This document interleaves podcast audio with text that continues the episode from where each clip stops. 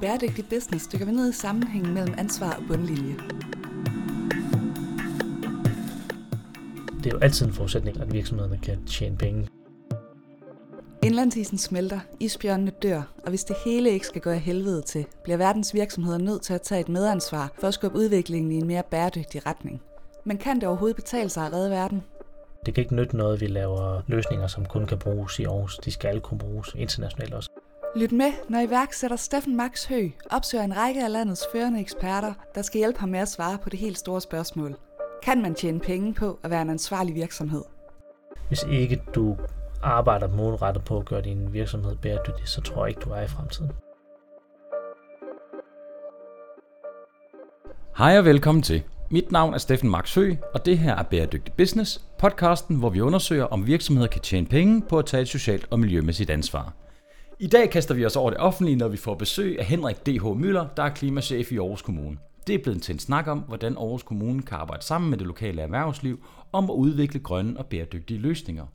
Aarhus Kommune har nemlig også opdaget, at der er arbejdspladser i den grønne omstilling, og derfor hjælper de kommunens virksomheder med at eksportere løsningerne til udlandet.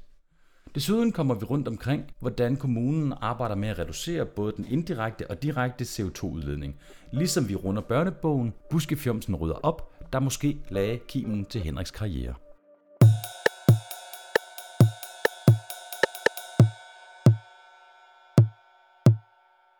Hej Henrik. Hej. D.H. Møller, klimachef i Aarhus Kommune. Ja. Velkommen til øh, Bæredygtig Business. Vil du ikke lige starte ud med at præsentere dig selv lidt dybere, end jeg lige kunne komme ind på her? Jo. Øh, Jeg er som sagt klimachef i Aarhus Kommune, og det vil sige, at jeg har ansvaret for at hjælpe byrådet med at komme så tæt på deres vision om et CO2-neutralt samfund i 2030, og det vil sige hjælpe med at skubbe på den grønne omstilling. Så det er sådan set øh, det, jeg laver, og, og vi er et lille hold i, øh, i kommunen, som, som arbejder på den her mission. Hvordan er du øh, begyndt at interessere dig for klimaet? Fordi at blive klimachef i Aarhus Kommune er da vel ikke det nemmeste i verden at blive, forestiller mig. Nej, man kan sige, det, det har egentlig altid ligget i, øh, i, i mit DNA, kan man sige, at arbejde med miljø. Øh, og jeg tror egentlig, det startede som barn. Øh, mine forældre læste altså den her bog, der hed Buskefjomsen rydder op, som var sådan en, øh, en trold, som, øh, som en dag oplever ude i skoven, at alle dyrene bliver syge, og så, øh, øh, og så ender det med, at han får en, en heks til at trylle alt det her øh, skrald ind øh, foran rådhuset, fordi menneskene vil jo ikke gøre noget for at hjælpe. Øhm, så der tror jeg egentlig, det startede, og så har det egentlig, øh, så har det egentlig kørt slag og slag, og jeg taget en uddannelse inden for naturressourceforvaltning. Og, ja. Jamen, man skal ikke komme og sige, at man ikke kan påvirke sine børn. Det er da helt afgjort. Hvad sagde vi? Hvad var titlen? Buskefjomsen? Buskefjomsen rydder op, det er en fantastisk bog, hvis man vil øh, påvirke sine børn. Jamen, den kommer jeg til at finde Ja. ja. og, øh, og læse for mine børn. Det er helt afgjort. Spændende. Og hvor lang tid har du været klimachef i Aarhus? Det har været i uh, tre år nu. Ja. Dine arbejdsopgaver sådan på et lidt mere dagligt plan, hvad handler de i grunden om? Jamen, det handler jo øh, rigtig meget om at styre den portefølje af projekter, vi har, og servicere politikerne i forhold til øh, de idéer, de har, og så også øh, vedligeholde og udbygge det netværk, vi har af virksomheder og ildsjæle, som arbejder med den grønne omstilling, og hjælpe dem med at gøre, gøre deres arbejde nemmere, kan man sige. Ja, fordi at øh, hele klimaområdet er jo øh, utrolig populært i politisk optik, og, og, det er det vel for, for rigtig mange af os. Så der må også være meget fokus de forskellige kommuner imellem i forhold til at klare sig godt inden for klimaområdet. Altså man kan sige, øh, klima og bæredygtighed i det hele taget er jo, øh, er jo meget inde i øjeblikket, heldigvis. Øh, Ja, gudskelov kan man sige. Så der vil sige, det er noget, som politikerne går rigtig meget op i. Det er faktisk noget, borgerne går rigtig meget op i. Vi har lavet nogle undersøgelser, både i Aarhus, men også på, på landsplan, som viser, at, øh, at langt hovedparten, øh, mellem 80 og 90 procent, faktisk synes, det her det er vigtigt øh, og skal være et tema. Så derfor er det selvfølgelig også noget, der optager politikerne meget, fordi øh, der stemmer i det, men også fordi det er det, som, som folk egentlig gerne vil have. Vi er jo ikke den eneste kommune, der arbejder på at nedbringe CO2-udledning. Der er en, en lang række kommuner, som, øh, som har forskellige mål på det her område. Øh, og også rigtig mange virksomheder, som arbejder med det. Ja, og kan man sige noget om, hvad der er jeres hovedmål at arbejde med i Aarhus Kommune? Altså man siger, hovedmålet er jo at nedbringe vores øh, CO2-udledning, den direkte CO2-udledning fra kommunen som samfund. Det vil sige prøve at fjerne alle de kilder, der er øh, til CO2-udledning. Og det er jo både inden for energiproduktion, det er inden for energiforbrug i bygningerne, som jo har en masse øh, afledt CO2-udledning, og materialerne i bygningerne, som også øh, har et stort øh, fodaftryk, og alt det, der er inde i bygningerne. Så er det øh, transporten, som jo fylder rigtig, rigtig meget. Øh, vi har halveret, halveret vores CO2-udledning i Aarhus inden for de sidste øh, 10 år. Øh, Hvad er det for nogle initiativer? Øh, jamen, det er øh, på transportområdet er det jo forskellige ting. Øh, det er jo for eksempel øh, at skabe rammerne for, at øh, transporten kan omstille sig på en øh, nem måde. Vi kan ikke gøre så meget ved, ved øh, afgifterne på, på elbiler, som man kan sige. Vi kan ikke gøre så meget for at få folk til at købe elbiler. Der, der, der skal markedet og afgifterne ligesom tilpasse sig, men vi kan gøre meget i forhold til at lave en klog by, hvor transportbehovet bliver mindre. Og det gør vi ved at fortætte byen, det gør vi ved at lave byudvikling langs med transportkorridoren, altså langs med, med letbanen. Vi har, vi har lavet først, den første letbane også, som jo er på el, og det vil sige, det er første skridt i forhold til at elektrificere transporten og flytte nogle passagerer fra, fra bustransport over på, øh, på noget elborgen transport. Øh, så arbejder vi med at få flere til at cykle. Puha, ja. Øh, og øh, det går faktisk ret godt. Øh, der er kommet 20 procent flere på, øh, på cykel. Øh, Øhm, så gør vi det også ved at sørge for at arbejde med energiinfrastrukturen. Og det lyder måske lidt mærkeligt, hvorfor energiinfrastrukturen har noget med transport at gøre, men vi kigger på en fremtid, hvor øh, øh, mange flere sektorer skal elektrificeres, så vi skal have fjernet det fossile brændsel, og det alt peger på, det er, at det er el, der skal erstatte det både i industrien og, og formentlig også i en stor del i fjernvarmen, og, og specielt i transportsektoren kigger man rigtig meget på el og på batteridrevne teknologier. Øh, og der har vi så den udfordring, at øh, vores elinfrastruktur jo ikke er designet til at håndtere, at alle de her ting skal på el. Øh, faktisk kan elnettet i Aarhus kun klare sted mellem 15 og 25 procent elbiler. Når så øh, vores elnet, altså der, hvor vi vildt skal hive alt el ned fra, ja. Det er simpelthen ikke equipped eller udstyret til, Nej, at det kan trække så meget? Øh, både produktionen og, og selve systemet er slet ikke øh, gearet til det, og det er slet ikke gearet til at, at arbejde sammen, altså på tværs mellem fjernvarme, el og, øh, så det og sige, transportsektoren. Så hvis alle borgerne fik en elbil i morgen, så ville det faktisk udgøre et ret stort problem? Det ville vi faktisk ikke kunne klare, nej. Så, øh, så der ligger et rigtig stort stykke arbejde, og, og det der ligesom er udfordringen, det, det er for det første at undgå, at det bliver en flaskehals. Altså at vi med ret tid i omhu får, øh, får forberedt elnettet til at kunne klare, at alle de her ting, de skal på el men også at arbejde med at gøre det på en måde, så det bliver så billigt som muligt, og så vi skal bruge så lidt strøm som muligt. Fordi selvom at vi lykkes med frem til 2050 at halvere vores elforbrug i Danmark, så skal vi jo stadigvæk bruge dobbelt så meget el, som vi gør i dag. Øhm, og hvis, øh, hvis hvad man sige, vi ikke på, øh, altså med, på, på rettidig vis får nedbragt vores energiforbrug, hvis ikke vi får lavet nogle smarte løsninger planlagt det i, i god tid, så kommer det til at koste rigtig, rigtig mange penge. Ja, der er lavet nogle beregninger fra Aalborg Universitet, der, der viser, at, at hvis vi bare laver sådan en, øh, en fuld elektrificering uden at tænke øh, smarte løsninger, hvor vi bruger fjernvarme som buffer til at håndtere øh, de udsving, der er i vedvarende energi, øh, når vinden ikke blæser for eksempel, eller solen ikke skinner, øh, så kan det koste os op mod 12.000 milliarder. Hold op. Øh, og i Aarhus tal, så svarer det til, til 600 milliarder. Øh, og det er rigtig, rigtig mange penge, for ikke at sige, det er urealistisk mange penge, så vi skal finde løsninger. Og, og udfordringen lige nu er, at der faktisk ikke nogen, der har ansvaret for det. Så, øh, så der har øh, byrådet i Aarhus sagt, at det, det var måske en god idé, at kommunen gik foran, samlede de partner, som, som har øh, ansvaret for energiinfrastrukturen, og begynder at planlægge, hvordan, øh, hvordan det så skal se ud, og hvordan vi kommer i mål med det. Og det er en kommunal opgave, det er ikke en statslig opgave? Som jeg sagde, det er faktisk ikke nogen, der har opgaven. Øh, men det har meget stor interesse, øh, så derfor så har vi valgt i Aarhus at, at tage den handske op. Øh, og så forventer vi selvfølgelig også, at der er en masse arbejdspladser i det, fordi hvis vi kan lykkes med at forberede energiinfrastrukturen i Aarhus øh, på en smart måde, jamen så er der jo, jeg ved ikke, hvor mange millioner byer ude i verden, der skal gøre det samme. Så det vil sige, at man kan faktisk, Aarhus Kommune tænker faktisk lidt i at lave en løsning, som måske også har et eksportpotentiale. Ja, det gør vi i alt, hvad vi laver. Altså, øh, det kan ikke nytte noget, at vi laver løsninger, som kun kan bruges i Aarhus. De skal kunne bruges øh, internationalt også, og vi arbejder også rigtig meget på at promovere de løsninger, vi har lavet. Vi har øh, med den sidste klimaplan faktisk lavet en, en delegationsservice, hvor vi tager imod øh, folk fra udlandet, fortæller dem, hvordan vi har arbejdet med, øh, med den grønne omstilling og, øh, og stiller vores virksomheder frem i forhold til øh, at vise, hvad vi faktisk kan. Øh, både med henblik på man siger, at skabe interesse for den grønne omstilling og øget viden omkring den grønne omstilling, sådan at CO2-udledningen i, i resten af verden også falder, fordi det har jo også en effekt på os. Det er jo et globalt problem, øh, men selvfølgelig også øge efterspørgselen på de, øh, de produkter og de ydelser, som, øh, som er, er opfundet i Danmark. Ja, så det, man kan sige, det er, det er, der er flere faktorer, der spiller ind. Et, det er selvfølgelig den grønne omstilling i al almindelighed, men der er også den variant, at det også drejer sig om at banevejen for nogle løsninger, som oceanske virksomheder har været med til at udvikle, og som der måske er et eksporteventyr i. Ja, det betyder rigtig meget, specielt for et område som, som Aarhus og Region Midtjylland. Vi har jo over halvdelen af den samlede danske grønne teknologieksport. Så, så øh, grøn teknologi er, er en vigtig styrkeposition for vores område. Øh, virkelig, virkelig spændende. Hvem bliver den første kommune, der er CO2-neutral i Danmark? ja, det er jo altså, det, det, er hvis nogen skal gætte, så må det jo være dig. Ja, øh, det er jo sådan en kapløb, kan man næsten sige. Der, der ja, er der ikke for, lidt konkurrence? 10, der var noget konkurrence der for 10 år siden, og det er der vel stadigvæk lidt, tænker jeg. Øh, det er, jo, det er jo lidt sjovt spørgsmål, fordi det kommer an på, hvordan man definerer CO2-neutral. Og der, der er altså lidt forskel mellem kommunerne på, hvordan man gør det. Øh, jeg vil gætte på, at København nok bliver det første, det håber jeg også, de gør, fordi det er, det er Danmarks stærkeste brand, øh, uanset øh, hvad vi siger, så, så, så er København altså mere kendt i verden end, end, end Aarhus er. Det må vi nok erkende. Øh, og de er lykkes rigtig, rigtig godt med at, øh, at markedsføre øh, både København og Danmark og hele Norden som, som det sted, man skal, skal kigge hen, hvis man vil finde bæredygtige løsninger.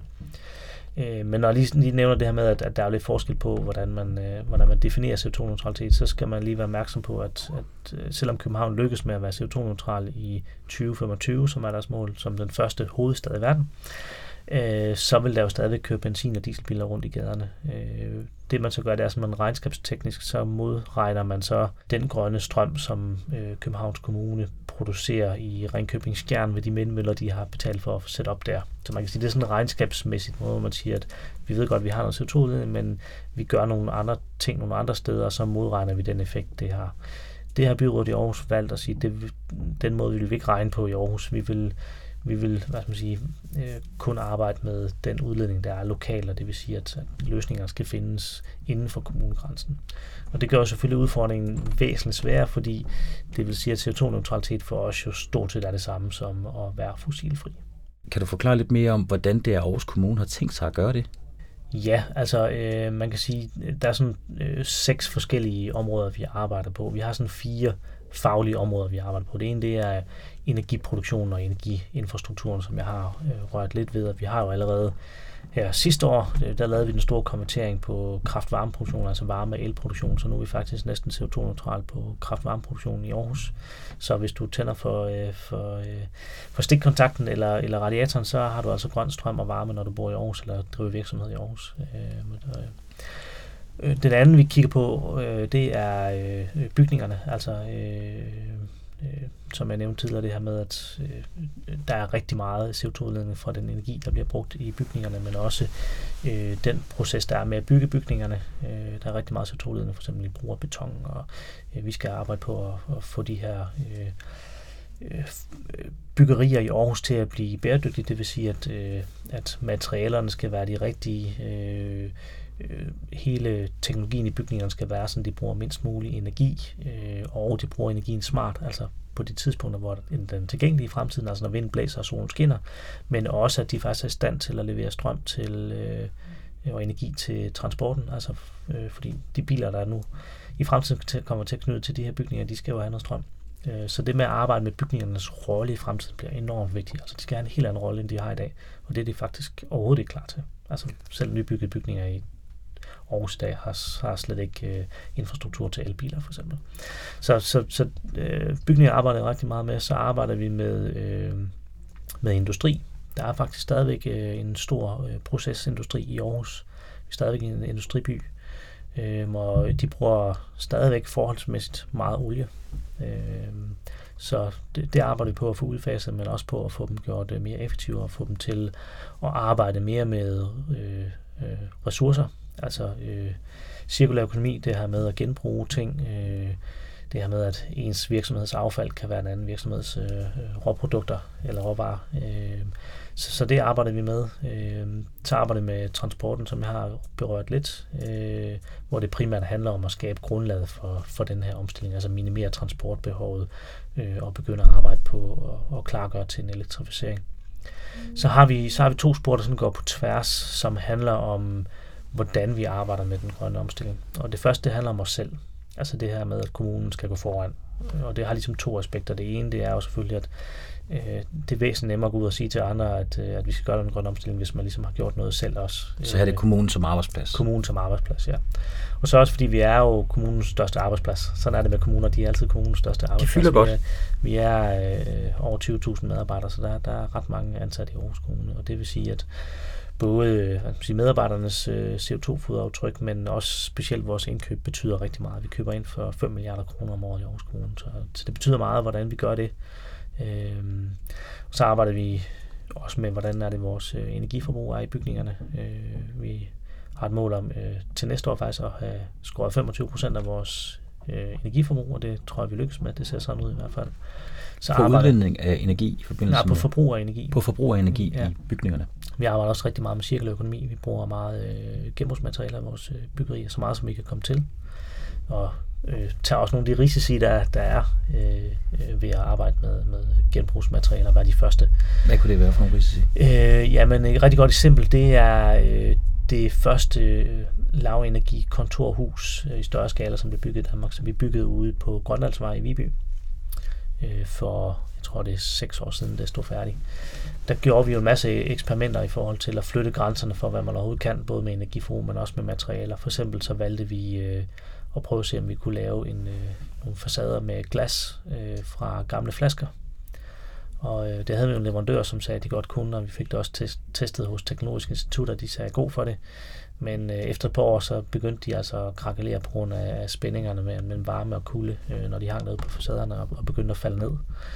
Øh, så vi simpelthen været nødt til at pille dem ned og skal have sat nogle, øh, nogle nye facader op. Øh, der er vi selvfølgelig med til. Altså, det, er jo, det er en risiko, man tager, når man, øh, når man går foran. Det synes jeg jo er enormt interessant, fordi at, at øh, i sådan det politiske liv kan det nogle gange være lidt svært at få tilgivelse, når det er, at man laver nogle fejl. Sådan hvis jeg skal kigge på overskrifter. Og i sådan en situation som det her, når der ikke er nogen, der har den perfekte løsning nu, så skal man jo ud og teste nogle ting, og en gang imellem vil det også gå galt. Ja. Hvordan øh, bliver det modtaget i pressen? Øh, ja, pressen i, i Aarhus er jo ret hård, kan man sige. Øh, det er sjældent, at, øh, at det sådan ligefrem er, er, er rosa, der falder ned til, øh, til kommunen. Øh, lige præcis det her på Grønlandsvej, øh, tror jeg ikke, der har været så meget fokus på øh, andet end, at, at øh, øh den vinkel, der har været, er, at det har været meget dyrt byggeri, og øh, Øh, og, og selvfølgelig også, at, øh, at det er for dårligt, at man nu skal til at lave nogle, øh, lave nogle ting om. Så hele innovationsvinklen, det her med, at kommunen går foran, det her med, at det er med til at skabe nogle lokale virksomheder, lokale arbejdspladser, det er slet ikke til stede i, øh, i pressen. Øhm. Det er jo lidt en skam, fordi øh, det er jo i høj grad en vigtig historie at få fortalt. Men, øh, men dejligt at høre, at der bliver brugt noget krudt på at innovere i forhold til at finde nogle løsninger, som, øh, som er nye. Det er vel også den måde, man ligesom kommer i mål med, øh, med, med hele klimaplanen, kunne jeg forestille mig. Jamen det er det. Altså, øh, vi skal jo have skabt en hel ny verden. Altså klima, hele klimaudfordringen handler jo om at få fjernet de fossile brændsler. Og det der er lidt, alt det der i virkeligheden er udfordringen, det er jo, at vi har fossile brændsler i alt. Altså alt, hvad vi gør, alt, hvad vi omgiver os med, har jo et aftryk af fossile brændsler. Og det vil sige, det er jo ikke bare en eller to ting, vi skal justere, det er jo hele samfundet, der skal transformeres. Og, og derfor, hvordan, hvordan hagen ved man, hvad man skal gå i gang med? Jamen, øh, man er jo nødt til i virkeligheden at hvad skal man sige, finde de steder, hvor de laveste frugter er. Og man sige, det, det har vi sådan set gjort i kommunen. Det er jo også derfor, vi har lykkes med at halvere CO2-ledningen på 10 år.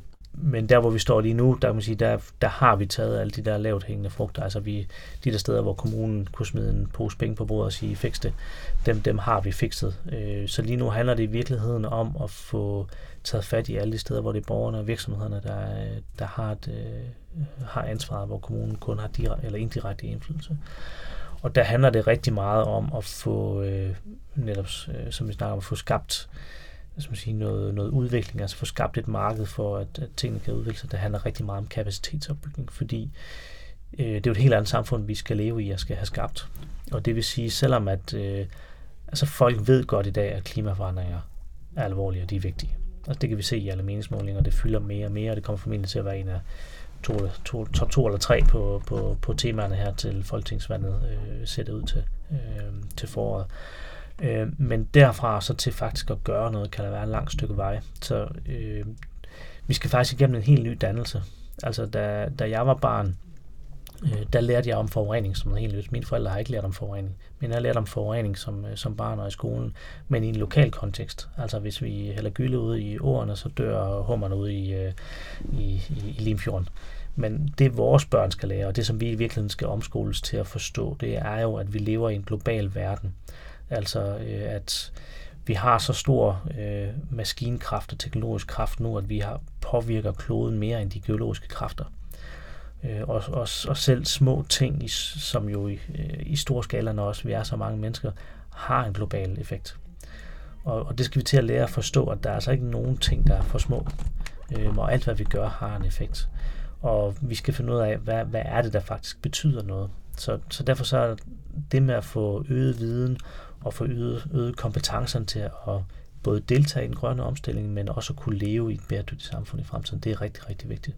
Og det er også rigtig vigtigt for de oceanske virksomheder, fordi de står jo også over for en situation, hvor øh, der er øget konkurrence på den grønne omstilling. Altså der er stort set ikke en virksomhed i verden, som ikke har hvad skal man sige, et bæredygtigt øh, øh mål i deres, øh, i deres strategi, og det vil sige, at vi har ikke patent mere på at være øh, være nogen, der arbejder med, med grøn omstilling. Det er altså en, en global trend, så vi skal op os. Og det vil sige, at der er stor behov for medarbejdere, som, som ved, hvad det her handler om, og som har kompetencerne i forhold til at, at deltage i den grønne omstilling.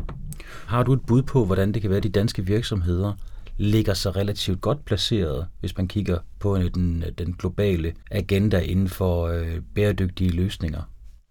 Ja, altså jeg er jo ikke i tvivl om, at øh, det arbejde, vi har lavet i Danmark over de sidste 40 år med øh, miljøregulering og energiregulering, har gjort, at de rammevilkår, vi har i Danmark, har skabt nogle, øh, nogle løsninger, som gør, at øh, virksomhederne i Danmark har en konkurrencefordel. Fordi det, vi har arbejdet med siden 73, hvor det handler om at blive fri for import af øh, fossile brændsler, minder rigtig meget om at blive helt fri for fossile brændsler, så man kan sige, det, det, de to ting øh, matcher hinanden, så vi har vi har et forspring der. den miljøregulering, vi har arbejdet med, og regulering på energiforbrug, har jo stillet krav til virksomhederne. Og det vil sige, at der har været et stærkt hjemmemarked til at udvikle de her ting. Et godt eksempel, det er jo sådan en virksomhed som, øh, som Grundfos, som jo egentlig bare er en pumpeproducent, men fordi de tilfældigvis ligger i Danmark øh, og har haft øh, det danske marked at udvikle sig på, jamen så er de jo tilfældigvis verdens mest energieffektive pumper. Og det gør jo, at de har en kæmpe konkurrencefordel ude i den verden, som i dag efterspørger øh, effektive løsninger, fordi vi skal nedbringe vores energiforbrug. Så, så jeg tror, at den her, den, de her rammevilkår, vi har skabt i Danmark med miljøregulering og krav og efterspørgsel fra det offentlige, øh, har skabt øh, man sige, de forudsætninger, som, øh, som har gjort, at vi er der, hvor vi er i dag. Så fordi Grundfos har været en øh, dygtig og veldrevet virksomhed, som har ligget i Danmark, hvor der har været et stigende øh, krav til at være energieffektive, så har det faktisk også hjulpet dem til at være så dygtige, som de er i dag. Ja, det er jeg slet ikke i tvivl om. Altså, der er jo et eller andet grundlæggende menneskeligt ved, at, at øh, vi udvikler os mest, når, når, øh, når vi er under pres, altså når, når vi bliver tvunget til det. Altså hvis, øh, hvis ikke der er nogen motivation for at forandre sig, hvorfor skulle man så det? Øh, det, det ligger ligesom i, i, i vores DNA. Øh, omvendt så ligger det også i vores DNA, at, at, at når vi står over for nogle udfordringer så, som race, så er vi faktisk enormt hurtigt til at tilpasse os. Øh, så, så det jeg kan se altså, øh, generelt set i Danmark, det er jo, at der hvor vi har stillet nogle krav, jamen så leverer virksomheden også. Øh, og det gør også, at, øh, at, hvad skal man sige, at, at vi har et samfund, som er mere effektivt, øh, fordi at det at være bæredygtig også på den lange bane er mere effektiv, fordi at bruge mindre energi er jo billigere, øh, og, og det ikke at have forurening øh, skaber også færre sundhedsomkostninger. Vi har længere gennemsnitlig øh, levealder, færre sygdomme og, og alle sådan nogle ting. Altså, og det, det hjælper jo alt sammen på at skabe et effektivt øh, samfund, som også gavner virksomheden i den sidste ende. Ja, fordi der er jo stadigvæk mange virksomheder, som har den der lidt gammeldags opfattelse af, at bæredygtighed er noget, der koster penge. Men hvis man gør det rigtigt, så er det jo i bund og grund noget, der understøtter din forretning, gør den mere effektiv og gør den bedre til at tjene penge. Altså, det er jo altid en forudsætning, at, man, øh, at, at virksomhederne kan tjene penge, og som siger, det, det skal også, i hvert fald på den lange bane, være, være billigere. Men jeg er slet ikke i tvivl om, specielt ikke lige i øjeblikket, hvor der er så meget fokus på, øh, på bæredygtighed og på grøn omstilling, specielt efter Paris-aftalen, hvor alle ved, hvilken vej vinden blæser. Altså, der er ingen tvivl om, at, at øh, bæredygtighed er fremtiden. Og det vil sige, at hvis ikke du arbejder målrettet på at gøre din virksomhed bæredygtig, så tror jeg ikke, du er i fremtiden. Altså, øh, vi, vi står i en periode nu, hvor, hvor tingene forandrer sig så hurtigt, og hvor øh, efterspørgselen øh, flytter sig den, øh, det samme sted hen, at hvis ikke du også flytter dig, jamen så kommer du til at lave en Kodak eller en Nokia eller Blockbuster. øh, så, så jeg tror, det er rigtig, rigtig vigtigt, at man også arbejder med, med bæredygtighed. Kan du sige noget mere om, hvordan Aarhus Kommune samarbejder med det lokale erhvervsliv om at fremme bæredygtige grønne løsninger? Ja, altså vi, vi har en lang række tiltag, hvor vi arbejder med, med virksomheder. For eksempel så har vi øh, en lang række klimapartnere, som er, øh, som er øh, virksomheder i, i omkring Aarhus, som har dedikeret sig til at arbejde særligt med den grønne omstilling, øh, og som vi laver forskellige aktiviteter sammen med. Vi laver innovationsforløb, vi laver videns- og kapacitetsopbygningsaktiviteter med øh, øh, debatter, øh, tager rundt og besøger hinanden. Vi har et, et nyhedsbrev, hvor vi også deler viden øh, mellem hinanden. Øh, og så laver vi forskellige øh, øh, øh projekter øh, med hinanden. Øh, og så arbejder vi også med vores klimapartner på, øh, på eksport. Altså, øh, øh, øh, det er jo, hvad skal man sige, øh, klimapartnerne, vi blandt andet øh, bruger til at, at vise nogle af de løsninger, som, øh, som vi kan, når vi har besøg fra udlandet, eller vi tager ud øh, andre steder i verden og fortæller om, hvordan vi arbejder med den grønne omstilling. Så man kan sige, at Aarhus Kommune er i høj grad også med til at profilere de her løsninger, fordi I får gæster ind fra forskellige steder i verden, hvor I så fortæller om de her løsninger, som er lavet i fællesskab med de her private klimapartnere, der er i Aarhus. Ja, det gør vi. Det gør vi faktisk i stor stil, og der er også stigende interesse på at komme øh, til Aarhus og se, hvordan vi arbejder med den grønne omstilling øh, for resten af verden, fordi der jo nu sidder øh, en masse øh, politikere rundt omkring øh, i verden, specielt i, øh, i nogle af storbyerne, som, øh, som har samme ambitioner som, øh, som de oceanske politikere. Og de søger jo inspiration til, hvordan øh, øh, de kan flytte sig. Og, og øh, der gør vi jo det, at, øh, at vi fortæller, hvordan vi har arbejdet med den grønne omstilling, både på politisk niveau i forhold til at formulere politikker, og også i forhold til, til myndighedsarbejdet, og det her med at skabe de rigtige rammevilkår, som jo er vigtigt. Det kan jo ikke nytte noget, at man, øh, at man forsøger at, at lave for eksempel et, et halmfyret værk i Kina, når, når bønderne stadigvæk kan brænde halm af på markederne. Man er nødt til at skabe rammevilkårene, og det er jo den, den historie, vi har i Danmark med, med 40 års udvikling af miljøregulering, som er forudsætningen for, at, at, at virksomhederne også kan, kan komme, af, øh, komme af med deres produkter på, på de andre markeder. Og der gør vi jo det, at når, når vi så har de her besøg, eller vi tager øh, ud i verden, jamen, så har vi selvfølgelig virksomhederne med. Øh, og, og det gør vi jo enten, enten direkte ved, at hvad skal man sige, de, de virksomheder, som har været involveret i, i nogle af de projekter, vi har lavet, for eksempel med at bygge et biomassefyret kraftvarmeværk eller en letbane eller nogle af de andre projekter, vi har, jamen så tager vi selvfølgelig virksomhederne med, øh, når, når vi har besøg. Og, og vi gør det også, når vi tager, når vi tager ud i verden. Et, øh, et af de nyeste eksempler er for eksempel, at, øh, at de i Pittsburgh i Pennsylvania i USA jo har besluttet, at de gerne vil have øh, 50% vedvarende energi øh, i øh, 2030, og det har de jo fordi, at, øh, at Trump øh, var ude og sige, at øh, Pittsburgh, not Paris, got me elected, med henvisning til, at han vil trække USA ud af Paris-aftalen, og øh, borgmesterne i Pittsburgh så bagefter var ude og sige, at det kunne godt være, at Trump vil trække øh, USA ud af Paris-aftalen, men øh, Pittsburgh vil altså øh, øh overholde Øh, Øh, Paris-aftalen og vil skabe en moderne by, som ikke er bygget på kul, som jo er den historie, øh, byen har, men en moderne by, som kan tiltrække moderne virksomheder som Amazon og Google, som jo gerne vil have vedvarende energi. Øh, og der er vi jo over at hjælpe dem med at, øh, at formulere en, en, en, en strategi for, hvordan de kan nå i mål med det øh, og give dem inspiration. Øh, og der trækker vi selvfølgelig danske virksomheder med. Det gør vi sammen med Energistyrelsen og sammen med øh, øh, Dansk Fjernvarmeforening og Dansk Industri og Udenrigsministeriet. Øh, og der er 12 danske virksomheder med øh, i, i, i den indsats, øh, hvor vi så altså vores opgave som kommune er jo selvfølgelig at, at tage over og fortælle, hvordan vi har gjort, give dem inspiration og, og, og, og sparring i forhold til, hvordan man arbejder på planlægning og, og, og, og, og regulering og, og så hvad skal man sige, skubbe vores virksomheder frem i forhold til at sige, jamen, øh, vi har nogle rigtig gode rådgivningsvirksomheder, som, som faktisk kan lave nogle af de her ting, og vi har også nogle gode øh, teknologivirksomheder, som blandt andet øh, er rigtig stærke inden for fjernvarme. Jeg tror, vi i Aarhus måske er, er, er dem, der, der er allerlængst fremme og har øh, hvad man sige, de bedste kompetencer inden for fjernvarme og også inden for vandforsyning. Så der er, der er nogle rigtig gode virksomheder, vi kan, vi kan sende i byen. super spændende og et rigtig øh, fornuftigt partnerskab, hvor øh, Aarhus Kommune på den ene side får skabt nogle rigtig gode arbejdspladser og får lavet de bæredygtige initiativer, som man har brug for, eller som man har valgt, at man gerne vil have, samtidig med at virksomhederne får mulighed for at afsætte deres produkter og blive eksponeret i, i udlandet. Så det er et fornuftigt samarbejde. Ja, så ikke glemme, at øh, samtidig så reducerer vi jo CO2-ledningen globalt, når vi gør det. Ikke? Ja. Jeg vil sige, en ting er at, at, at gøre Aarhus og Danmark CO2-neutral, men, men øh, det rykker jo væsentligt mere, hvis vi kan gøre det i USA. Og det er jo en global udfordring, så man sige, klimaforandringen rammer jo, uanset hvor udledningen kommer fra, så rammer det jo også Aarhus. Og man kan sige, det er jo på mange måder også essensen af verdensmålene, hvor det er, at det 17. verdensmål er hele det her med partnerskaber, mm. og i øvrigt reduktion af, af diverse forbrug. Og, så der er jo rigtig meget øh, fornuft i det. Jeg synes, man ser en tendens til, at byer begynder at skille sig meget ud. Det er ikke bare af lande, mm. der, der kommunikerer holdninger ud, at det i høj grad er byer, der positionerer sig i en øh, i sådan en global dagsorden omkring det her med bæredygtighed, for eksempel med Kalifornien, som jo har haft en god Anders Schwarzenegger til at, øh, at tale rigtig positivt for miljøet. Og man ser Pittsburgh, som du er inde på her, og mange andre byer. Hvordan kan det være, tror du?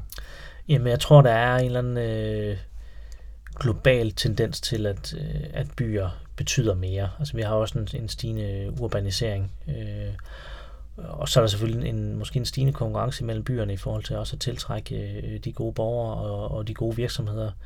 Og så skal man huske på, at byerne, eller, eller borgmesterne kan man sige, står med de samme udfordringer. Altså uanset om, om du er borgmester i Pittsburgh, eller Aarhus, eller Tokyo, så er det jo de samme bekymringer og de samme ting i hverdagen, som fylder. Så, øh, så selvom at, at statsledere de slår sig og ikke kan blive enige om, hvem der skal gå forrest, fordi det kan gå ud over betalingsbalancen osv., øh, så, øh, så rykker borgmesterne. Altså der er jo skrevet en, en, øh, en hel bog omkring, hvordan verden ville se ud, hvis borgmestre de, øh, de regerede verden, og den, den ville formentlig være væsentligt mere bæredygtig, fordi øh, borgmesterne er tættere på, på folks hverdag. Øh, så derfor så kan man sige, at, at byerne har jo meget til fælles, altså uanset hvad for, hvad for et land det ligger i. Så derfor så tror jeg, at man ser nogle, nogle fælles dagsordner, man ser byerne rykke, fordi øh, det er simpelthen nødvendigt, fordi folk efterspørger det, men også fordi man måske ser, at at det nationale niveau øh, ikke er i stand til at levere de løsninger, som, som der skal til øh, på den tid, som man har behov for. Kan det have noget at gøre med sådan helt banalt nærhed, at man er tættere på sin by, og byen er tættere på sine borgere, end et land er på alle borgerne? Ja, det tror jeg bestemt. Altså, øh, og også det med, altså, jeg tror i virkeligheden også, det handler om, at, øh, øh at man har nogle interesser, som man ikke har på nationalt niveau. Altså man, øh, man er simpelthen man er, man er tættere på at skabe øh, hverdag i, eller hvad hedder det, velfærd i hverdagen, end, end man måske er, hvis man sidder på Christiansborg eller i Washington. Super, super spændende. Vi talte sammen øh, lige her i starten omkring det her med den sociale slagside, der også kan være ved den grønne omstilling. Kan du ikke øh, uddybe det lidt? Jo, altså man kan sige, det er jo, det er jo sådan et øh, aspekt, som jeg tror, vi skal være opmærksom på. Øh, øh, Øh, ligesom alt muligt andet udvikling, øh, så er der en tendens til, at den grønne omstilling måske også kan komme til at ramme socialt skævt, hvis ikke man passer på, fordi øh, den grønne omstilling er også med til at skabe en bedre verden, bedre produkter, øh, bedre byer, øh, og, og der kan godt være en tendens til, at dem, som bliver ladt tilbage, øh, det er de ressourcesvage, de dårligt uddannede. Øh, et godt eksempel er USA, hvor dem, som arbejdede i, i kul- og olieindustrien, jamen det er jo det er jo typisk dem, der har stemt på, på Trump, som vil, vil bringe de her ting tilbage igen, fordi at de har oplevet, at øh, de mister deres, øh, deres arbejdspladser. Øh, jeg snakkede med en taxichauffør, øh, der var i Pennsylvania her, eller hvad, i, i Pittsburgh i Pennsylvania her sidst, som fortalte, at, at nogle steder langs med motorvejen, der hænger simpelthen øh, øh plakater, hvor, øh, hvor olieindustrien reklamerer, hvor øh, der er billeder af grædende børn, og, og teksten øh, vedvarende energi tog min fars job. Altså, så, så, så man kan sige, at øh, jeg tror, det er rigtig at det er vigtigt i den grønne omstilling, at, at vi husker at få alle med.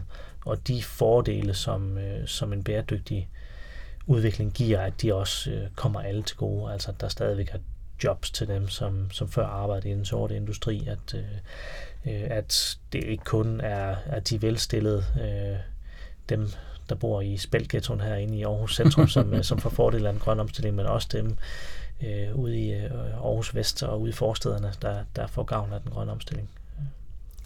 Det er jo en af grundene til, at jeg synes, at, øh, at cirkulær økonomi er så interessant, fordi at, at der er meget fokus på blandt andet istandsættelse. Og det er jo noget af det, der genererer arbejdspladser. og det genererer arbejdspladser lokalt. Nu nævnte du før, at, øh, at Aarhus Kommune handler for, for 5 milliarder kroner om, øh, om året. Tænker du, at de offentlige indkøb kunne bruges til at påvirke den grønne omstilling i en positiv retning, sådan så at øh, private virksomheder blev valgt på baggrund af, at de kunne tilbyde nogle mere grønne produkter? Ja, det kan det helt sikkert. Altså, man, der er ingen tvivl om, at, at volumen i de offentlige indkøb er så stor, at, øh, at øh, hvis man lykkes med at, at bruge det som innovationskraft, så, så kunne det faktisk flytte rigtig, rigtig meget.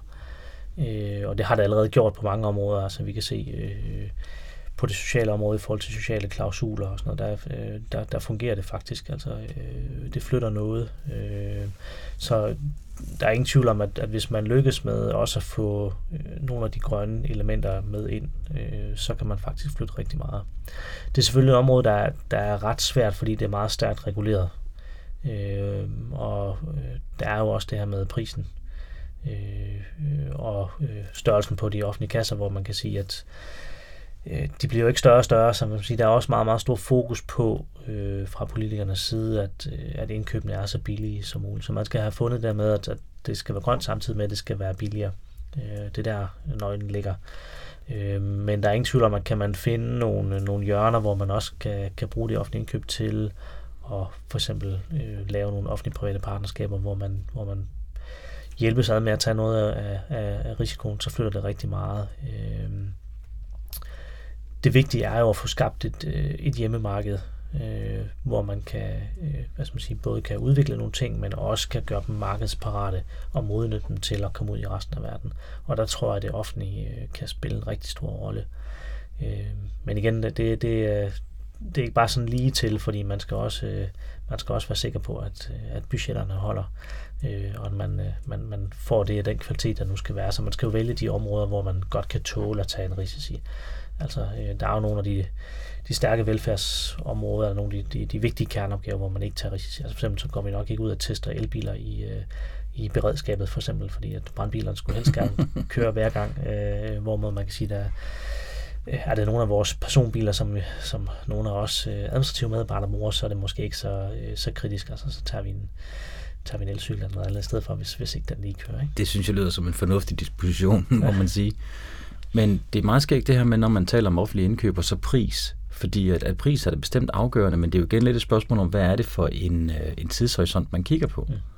Fordi at, øh, at hvis man for eksempel kigger på kontormøbler, og du kigger på pris isoleret, så ender man med at få en dårlig kvalitet. Ja. Og måske er det, at man skal begynde at kigge lidt mere i, i løsninger, hvor det er, at det både til gode ser de svage samfund, samtidig med, at miljøet har, er et aspekt, og prisen. Ja. Så det er jo det her med totaløkonomi. Hvordan er det, man kigger på det, ja. med alle de problemer og fejl, der er med det? Lige præcis. Der er ingen tvivl om, at totaløkonomi er enormt vigtigt i forhold til at gøre offentlige indkøb, og måske virkelig også øh, private indkøb, øh, mere bæredygtige. Øh, man kan sige, at der har desværre været en, en, øh, en tendens, sådan som jeg ser det i hvert fald hen over de sidste ja, 15-20 år, det offentlige, øh, Øh, på, at pressede budgetter har gjort, at man fokuserer ekstremt meget på pris i indkøb, og budgetterne bliver mere og mere kortsigtet. Fordi man kan sige, hvis nogen skulle tænke langsigtet, så skulle det jo netop være det offentlige, fordi vi, øh, hvad skal man sige, vi skal jo varetage øh, samfundsinteresserne, og man kan sige, øh, det burde for os være ligegyldigt, om, om det er et års perspektiv eller, eller 20 års perspektiv, altså i så kan man sige, det, det er jo hele samfundet, vi skal, vi skal tjene, øh, så man kan sige, det, det skulle gerne være billigst øh, på den lange bane. Men, men desværre er det jo sådan, at, at, at, øh, at øh, pressede budgetter har jo en tendens til også at blive, øh, blive nogle budgetter, hvor man, hvor man tænker øh, mindre og mindre øh, helhedsorienteret. Så jeg tror, og det er også noget af det, vi arbejder på i Aarhus det er at prøve at finde nogle modeller for at arbejde totaløkonomisk. Øh, vi gør det selvfølgelig, når vi, når vi sidder og, øh, og køber ind og laver beregninger af det om, omfang, man nu kan, fordi det er også det er en svær disciplin at, at, at, snakke totaløkonomi, fordi hvilke effekter er med, og hvad for nogle er ikke med. Altså øh, øh, lavere sundhedsomkostninger, øh, øh, skal det tælle med, fordi det er jo primært regionen, der så rammer til at spare de penge, øh, men, men samfundsøkonomisk er det jo interessant, men skal vi så betale mere for det, hvis regionen sparer osv.? Altså, så, så der er mange politiske drøftelser i, i, i det også, og der er rigtig mange øh, eksternaliteter, som kan være svære at, at regne ud. Altså, hvordan, hvordan prisfastsætter man for eksempel CO2-udledning? Altså, øh, Altså i sidste ende kan man jo risikere at skulle sidde og sætte pris på, på folks liv. Øh, så, så det kan være rigtig, rigtig svært. Øh, men vi arbejder rigtig meget på at prøve at se, om vi kan finde nogle modeller for at arbejde mere totaløkonomisk. Øh, og det er, jo, det er jo både i forhold til at kigge på de enkelte produkter eller ydelser, men, men også internt i kommunen, fordi mange budgetter er jo decentrale.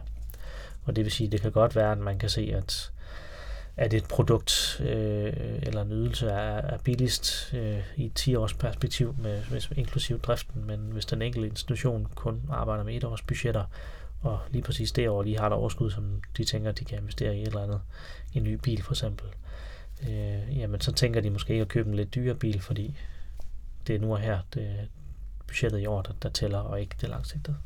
Men det her er måske et rigtig godt eksempel på, som du nævnte før, at, at der er blevet, øh, alle de lavt hængende frugter er ligesom blevet ordnet nu. Så nu er man inde ved benet og skal til at virkelig at tage fat der, hvor det er lidt svært for at lave nogle nye øh, forbedringer. Fordi det er jo klart, det er jo selvfølgelig nemmest at køre efter de øh, regler og rammer, man altid har brugt. Men det er jo en skam, at det er sådan noget som budgetter, der skal afgøre om, hvorvidt man kan gøre det ene eller det andet. Når man, øh, når man arbejder i, øh, i Aarhus Kommune, eller generelt i en kommune, så er man jo reguleret ret meget fra, fra statslig side. Mm. Så hvor meget kan I reelt selv påvirke? Altså man kan sige, øh, der er faktisk ikke ret stor øh, del af den direkte CO2 som kommunen har direkte indflydelse på. Øh, nu har vi jo lige halveret CO2-ledningen øh, med 50 procent over øh, de sidste 10 år. Det vil sige, at vi har taget de der store lavt hængende frugter, som vi havde direkte indflydelse på. Øh, og nu er vi der, hvor, hvor vi faktisk kun øh, har direkte indflydelse på 10 procent. Så de, de sidste 90 procent, der, der er der kun indirekte indflydelse, kan man sige. Øh, der er det borgerne og virksomheden, der skal, øh, der skal ud og starte hullerne og, og gøre noget andet, øh, end, øh, end de har gjort indtil nu. Og det, det gør jo selvfølgelig, at indsatsen er, eller skal være væsentligt anderledes, end den har været før. Det er ikke noget med at gå ud og investere en masse milliarder i et stort biomassefyret øh, kraftvarmeanlæg. Det handler om at komme ud og mobilisere øh, borgere og virksomheder. Og det lyder måske sådan lidt, øh, øh, lidt revolutionsagtigt, men, men, men, men det er virkelig en mobilisering, der er, der er behov for.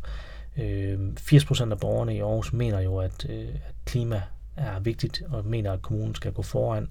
Og en tredjedel af dem mener heldigvis også, at de selv bærer et øh, øh, hovedansvar faktisk for, øh, for den grønne omstilling. Så vi har et rigtig godt grundlag. Det, der selvfølgelig er svært, det er jo øh, at komme fra det her med at vide og have anerkendt, at, at klimaforandringer er vigtige, som de fleste danskere gør uanset hvad partifarve de har faktisk. Der er efterhånden ret bred enighed. Der er meget bred Hvis man kigger på Concitos sidste øh, klimabarometer, så er det næsten uanset, hvad for parti man, man ellers stemmer på, så er man, så er man enige om, at klimaforandringer er vigtige. Men at komme derfra den erkendelse, og så til faktisk at gøre noget, der er et langt stykke vej, fordi man er nødt til at vide, hvad er det, der betyder noget. Altså øh, øh, de samme mennesker, som øh, bruger rigtig meget tid på at købe genbrugstøj eller øh, cykle på arbejde, har jo ikke noget problem med at rejse øh, til, til udlandet tre fire gange om året med, med fly.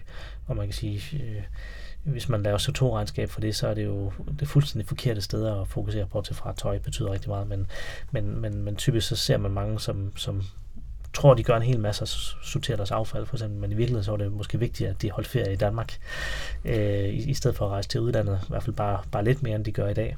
Øh, så, så det der med at få den der viden ud og få opbygget nogle, øh, nogle kompetencer er enormt vigtigt, både hos borgerne og virksomhederne. Altså man er, vi er nødt til at have en helt ny forståelse af, hvordan verden hænger sammen. Altså, øh, i virkeligheden så, så synes jeg godt, man kan tale om, at der er behov for en helt ny dannelse. Altså både hos, øh, hos børn og unge, altså den nye generation, der kommer, øh, som jo om nogen virkelig mener, at klimaforandring er vigtigt, og faktisk er bekymret. Jeg har desværre mødt nogle børn, som, som sagde, hvor de voksne er henne. Altså, de, de mener virkelig, der, der Børn er jo faktisk rigtig, rigtig bekymrede over det ja, her. det er de faktisk.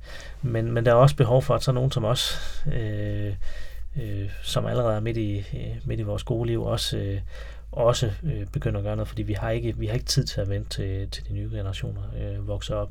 Så vi skal også faktisk omskoles og have en ny viden, en ny erkendelse og også nogle nye kompetencer i forhold til, hvordan man arbejder med, med den grønne omstilling og lever i et bæredygtigt samfund.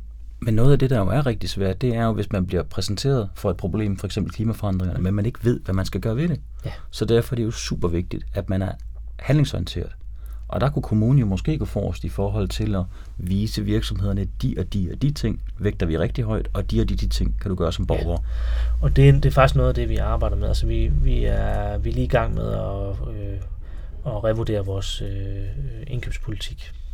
Og der øh, arbejder vi lige i øjeblikket på at se øh, sammen med vores bæredygtighedsudvalg, øh, øh, som, øh, som byrådet har nedsat, om vi kan fokusere på nogle områder. Øh, og, og det vi kigger lige på, eller på lige nu, det er jo øh, det er jo primært to ting. Det ene det er, det er ressourceanvendelsen, altså den cirkulære økonomi. Øh, det her med at, at øh, se, om vi kan holde op med at bruge øh, jomfruelige øh, øh, råstoffer og, øh, og, og få tingene i kredsløb.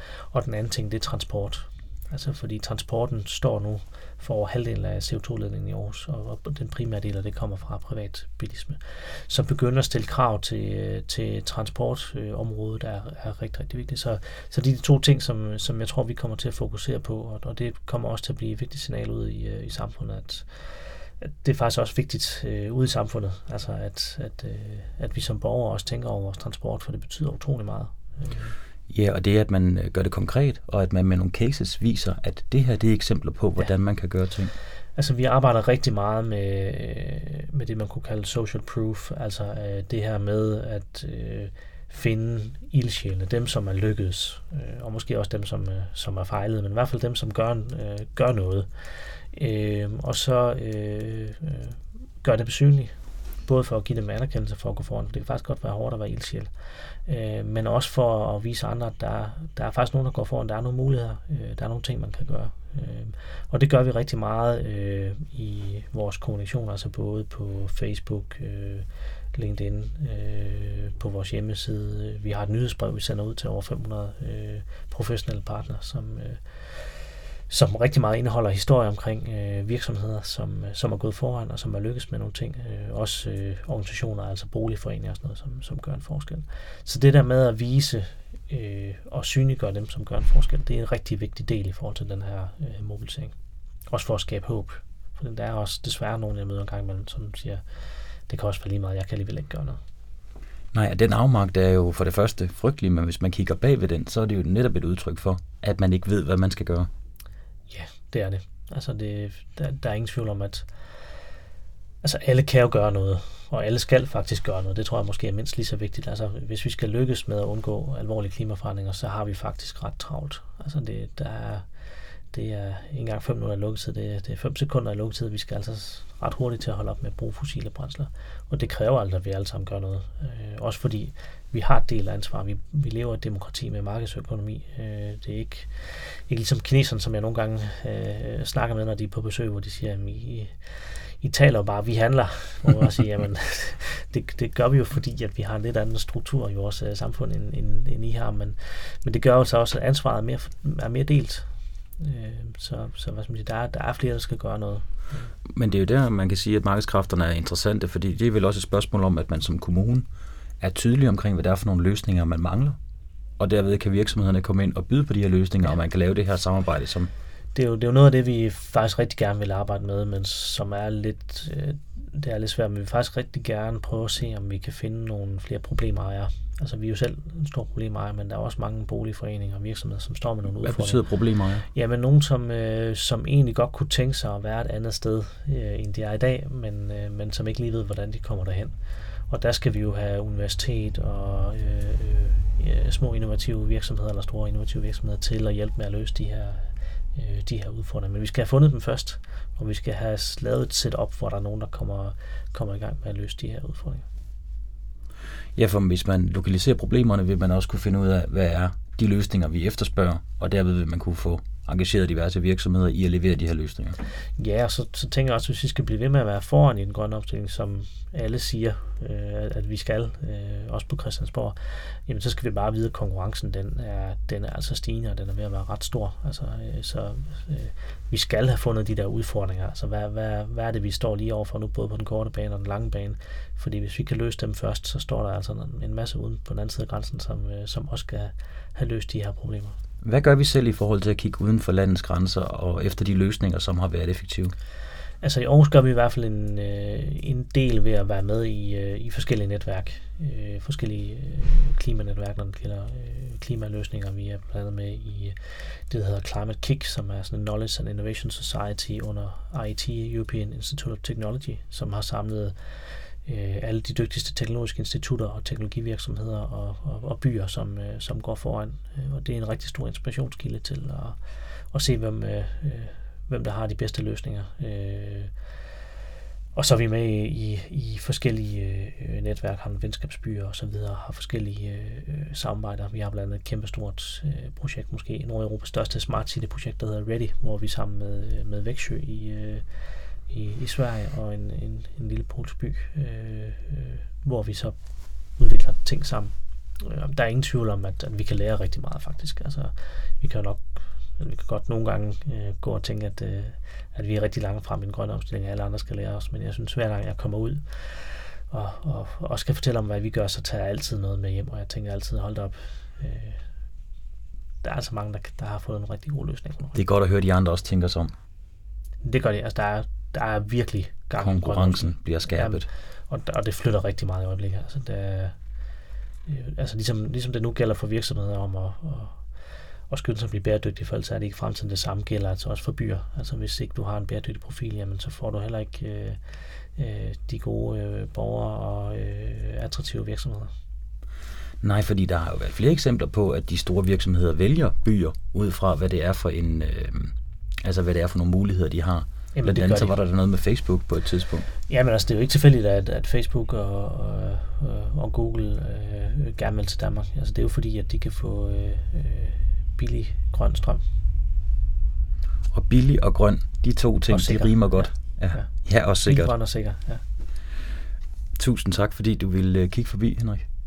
Velkommen, og øh, fortsat held og lykke med arbejdet. Mange tak. Et er altså, hvad kommunen selv kan gøre, og hvordan de kan reducere deres direkte CO2-aftryk ved at plukke de lavt hængende frugter.